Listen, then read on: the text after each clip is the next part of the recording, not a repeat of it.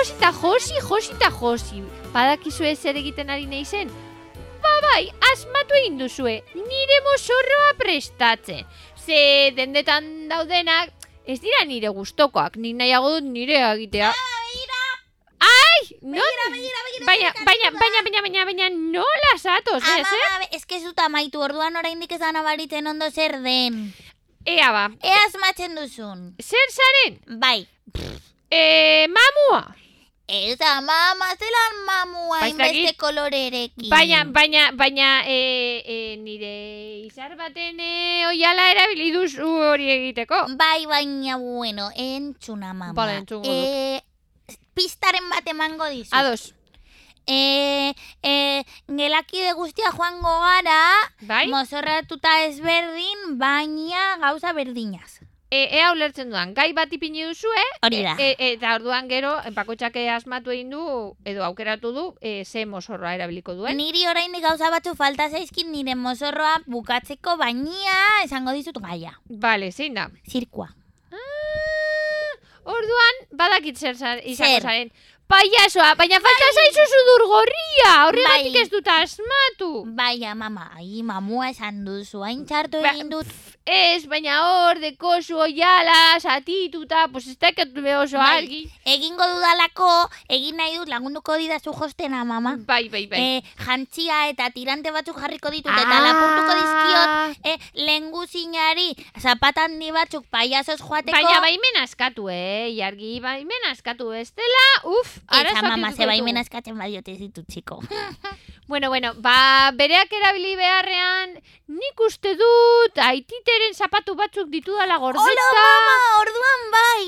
Bai, Oiek, bai, bai. oiek, Eta hori, horiek, baina gero kotoia sartu behar dugu, e, ze bestela, e, eroriko Eskapatuko zaizkizu. zaizkit, bai. Eta gero mama, eh, nik nahi dut egin eh, ba, gure gure eskulanen kutxan bat zeuden eh, artile batzuk eta itxatzi nahi dizkiot eh, igerilekuko txanoari artile koloreko artile zatiak egiteko eh, ileordea, pailazoaren ileordea. Ah, Bale, bale, buf, ez nuen ulertzen.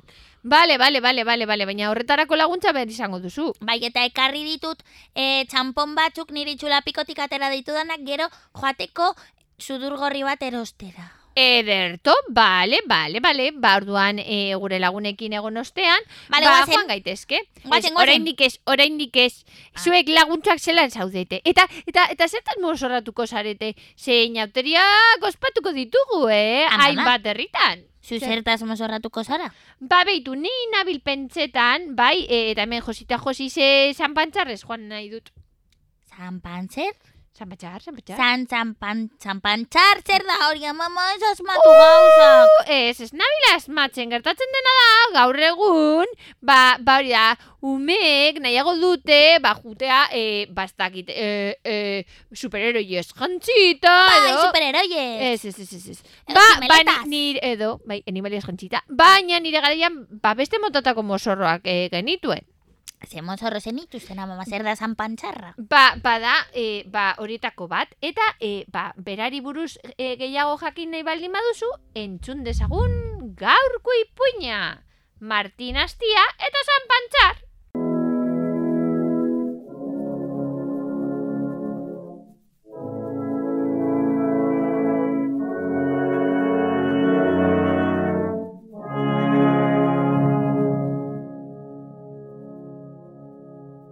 Orain dela urte asko, Nafarroako herriko eskor batean, negu gorri-gorria izan zen. Negu gorria eta luzea benetan, den dena elur azpian zegoen, zuri-zuria. Ezen belarrik ikusten, baratzetan ezen barazkirik egiten, eta zuaitzak ez ziren inoiz berdatzen. Hotzi karagarri egiten zuen. Negu gorria izan zen, eta baita goze gorria ere herri hartan bizi ziren guztientzat. Ez baitzeukaten zer janik. Jendea oso keskaturik zegoen. Udaberria ez baitzen inoiz iristen. Baina herri hartako mendietan, aitzulo batean, Martin izeneko asti jatorra bizi zen. Oso zaharra zen, eta asko asko zekien. Belarrak ezagutzen zituen, eta baita trumoiak eta tximistak ere. Bertakoek betidan jotzen zuten arengana gaitzen bat zeukatenean, eta den dena sendatzen omen zuen belarrak eta berak egindako ukenduak erabiliz. Horregatik herritarrak Martin Astiaren gana joan ziren laguntza bila.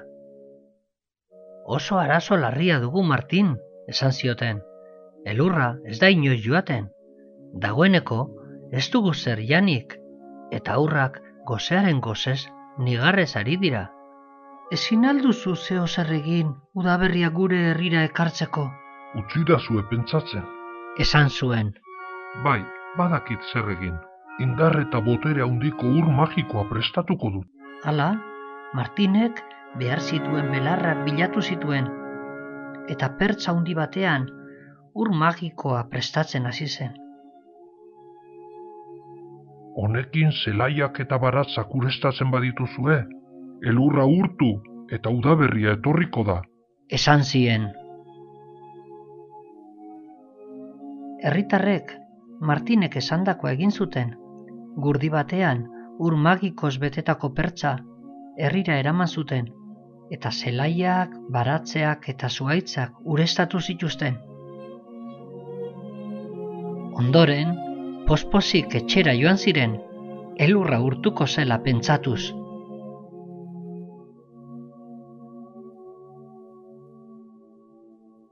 Baina alperrik, elurrak eta hotzak ez baitziren inondik inora desagertzen. Ura pena.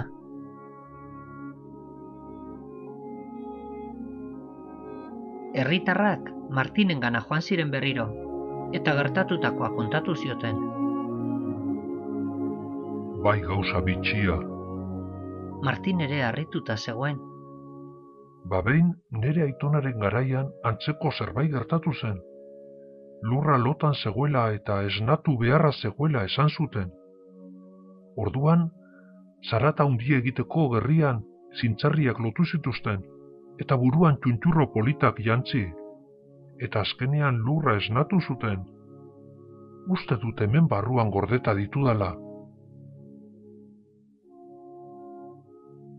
Orduan hastiak, kobazuloan gordeta zituen, txuntxurro eta zintzarri guztiak atera zituen, Eraman hau etxera, esan ziren. lurra indarrez zapaldu behar duzue, eta zarata hundi atera, horrela lurra esnatuko da. Herritarrak ikaragarri postu ziren. Gauza guztiak hartu eta etxera eraman zituzten, urrengo egunean dena presti izateko. Baina herri ondoko beste aitzulo batean, zanpantzarri zeneko erraldoia bizi zen. Gaiztoa zen oso, arrunt maltzur eta zitala. Hal zuen guztia lapurtzen zien, baita umeak ere. Denek beldurra handia zioten, baina inork ezekien non bizi zen. Zanpantzarrek ikusi zuenean herritarrek zerbait basera matela, berehala erabaki zuen dena kentzea. Jendea lotan zegoenean, gauza guztia gordeta zituzten etxean sartu, eta den dena ostu egin zien. Herritarrak goizean goiz altxatu ziren, eta lurra esnatzeko txuntxurroak eta zintzarriak hartzera joan ziren. Baina ura ustekabea, dena desagertua zegoen. Baina nork lapurtu ote zituen? Guztiz etxiturik, basterrak miatzen hasi ziren. Bapatean, lurrean, arrasto handiak ikusi zituzten. Zanpantzar izan da! Bai, zanpantzar erraldoia oso gaiztua izateaz gain, oso tontoa ere bai, baitzen. Han zeuden bere oinatzak, eta garbi-garbi ikusten zen, haren etxerainoko bidea. Ziztu bizian, mendian gora abiatu ziren herritarrak. Azerre zeuden oso. Arrapatuko zaitugu, zanpantzar, oraingoan bai, zioten behin eta berriro. Zanpantzarren aitzulora iritsi zirenean, han, sarrera ondoan pilaturik, zintzarri eta txuntxurro guztiak aurkitu zituzten. Aitzulo barrutik zurrunga hundiak entzuten ziren. Zanpantzar lotan zegoen, ura zen erraldoia harrapatzeko aukera. Isil-isilik, barruan sartu, eta han zegoen zanpantzar zitala lotan. Denon artean harrapatu, soka lodi batekin estu eta tinko lotu, eta mendian bera eraman zuten herriko plazaraino. Oiuk hasi joan zanpantzar, denak akabatuko zituela esanez, baina ezin izan zuen iesekin, eta herritarrek erraldoierekin bukatzeko, erre egin behar zutela erabaki zuten. Esan eta egin, zanpantzar erretzen zen bitartean, jendeak Martinek utzitako gauzak jantzi zituen, txuntxurro politak buruan eta zintzarriak gerrian.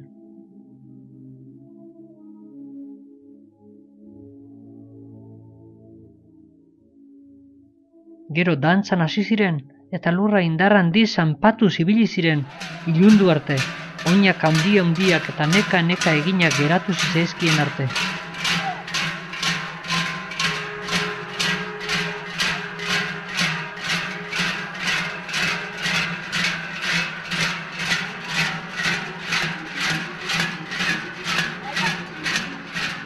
Baina herritarrek egindako lanak bere fruitua ekarri zuen. Martinek esan bezala, lurra esnatu egin zen. Segituan elurra urtu eta hotzak alde egin zuen. Negua joan eta udaberria etorri zen. Zelaiak eta zuaitzak berde-berdeak bihurtu ziren. Eta handi gutxira lehenengo lore eta barazkiak azaldu ziren. Eguzkiak goxo-goxo berotu zuen. Eta gordeta zeuden animaliatxoak kanpora atera ziren. Baita aurrak ere, nigarrari utzi eta jolasean hasi ziren. Amaitu ziren penak, denak oso pozik zeuden. Eta esaten dutenez, orduz geroztik, neguak gogorren astintzen duenean, herritar guztiak tuntxurro eta guzti jantzita ateratzen dira, lurra berriro, lotan gera ez dadin. Eta huxe da inauteria, zarata eta festa egitea, lurra lokartu ez dadin. Guau, amama! Ez nekien hainbeste gauza zeundenik eh, inauterietan. Bai, ze orain segurazki zuek prestatuko duzue jaitxo bat eskolan, eta orduan, ba, esan duzuna, ez? Zirkos joango zarete jantzita. Bai, amama, eta nik gogoratu dut txikian nintzenean gurasoekin joan nintzela lantzera. Ah, beitu, Baina ez bau. nuen gogoratzen ez nekien hori mozorroa zirela. Bai, siripo, sanbantxarrak, bai, bai, bai, bai, bai. Ah, Beste motatako e, emosorrak dira, eta gainera, normalean dauz eskuz egindakoak. Horregatik ni nabil... amama, orduan bajo zuk egingo duzu zanpantxarraren mozorroa. Bai? Eta nik egin dezaket beste mozorro bat zurekin asteburuan joateko, ze paiazuz joango naiz eskolakoekin zirkua, zirkua egingo dugulako. Ba- Baina nik izan al naiz Martin Astia. Igual hori apur bat zaila da, eta eta denbora beharko genuke egiteko, baina siripot, nik uste dut saku bat deko dala baserrian, betetzen baldin badugu, eta gero kapelaren bat Edo ni eskatuko- zanpantxarra bebaizu bezala. Baina horrek lan handia ematen du. Baina egingo, bueno, pentsatuko Bale, dugu, bale, amama. bestela egin dezakegu zanpantzarra joateko biak. Ai, laguntza, Mm, nolakoa den neska, hau. Ez asko gustatzen zaizkit inauteriak, amama. Bai, ni, be, bai. Hazen nire sudurra erostera, mesedez. E, ederto, baina lehenengo eta behin, esan behar diazu zezaudeten prestatzen eskolan. Ah, bai, mama. Ba, begira. Egon ginen inauteria baino lehenago lantzen e, e, e, antzeslan bat, antzerki bat e, e, zirkuari buruz eta orduan egin genituen e, e, antzerki txiki batzuk eta batzu ziren e, aurkezleak, besteak e, payasoak, bazeuden ere Ekilibristak? e, ekilibristak, e, malabaristak Oh. eta eta eta bazegoen ere mago bat oso oso polita eta pila bat gauza orduan hori asko gustatu zitzaigunez eta oso ondo egin genuenez aprobetxatu genituen e, gure antxe, antzeslan hoiek bagero inauterietan erabiltzeko eta joango gara zirkus Ah, Bai, zein... eta dantza bat mama. Ah, zea, raro, dantza bat ego- egotea. Eta, eta zein da dantza? Erakutsi alidazu? E, bai, Baina, baina orduan esan behar diozu, e, ze kanta ipintzen duzuen dantza egiteko, eta horrela pasuk pausoak egingo dituz. Eta ni joatean ikustera, ba ni ere Ah, dantza egin dezaket zuekin. astu zait, Ze astu zaizula. kanta. Baina nola posible. Ez que zelan den. Ba, ba, segurazki inauteriak Baina- ipintzen baldin badut, e, inauteritza e, e, gure, gure ordenagailu magikoan, ba, agertuko dala. Baina, mama, mesedez bilatu inauterien kanta zure ordenagailuan. Bale, bale, ipiniko dut lehenengoa, agertzen den lehenengoa. Ea, ea asmatu duen. Eta hori ez bada, mama? Barduan dantzatuko dugu dantza librea. Hola, Ai, ze ondo, duena. ipini, orduan ipini nahi duzuna. Erdo, ba, hause ipiniko dut.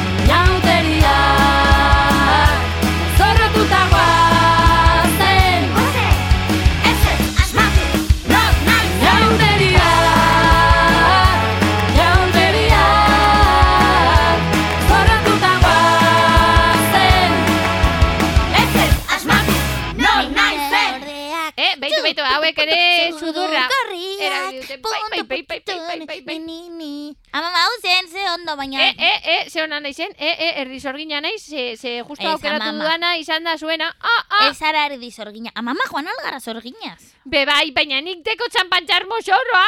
Ba, egun- erabil nahi dut. Ba, egun baten zanpantzarra, beste egun baten paikazo, beste egun baten zorgina, eta beste egun baten superheroia. Ederto, ederto, orduan ni paiaso baten e, emosorra egingo dut, eta zu, ba, nirekin joateko zanpantxarrekoa. Ados.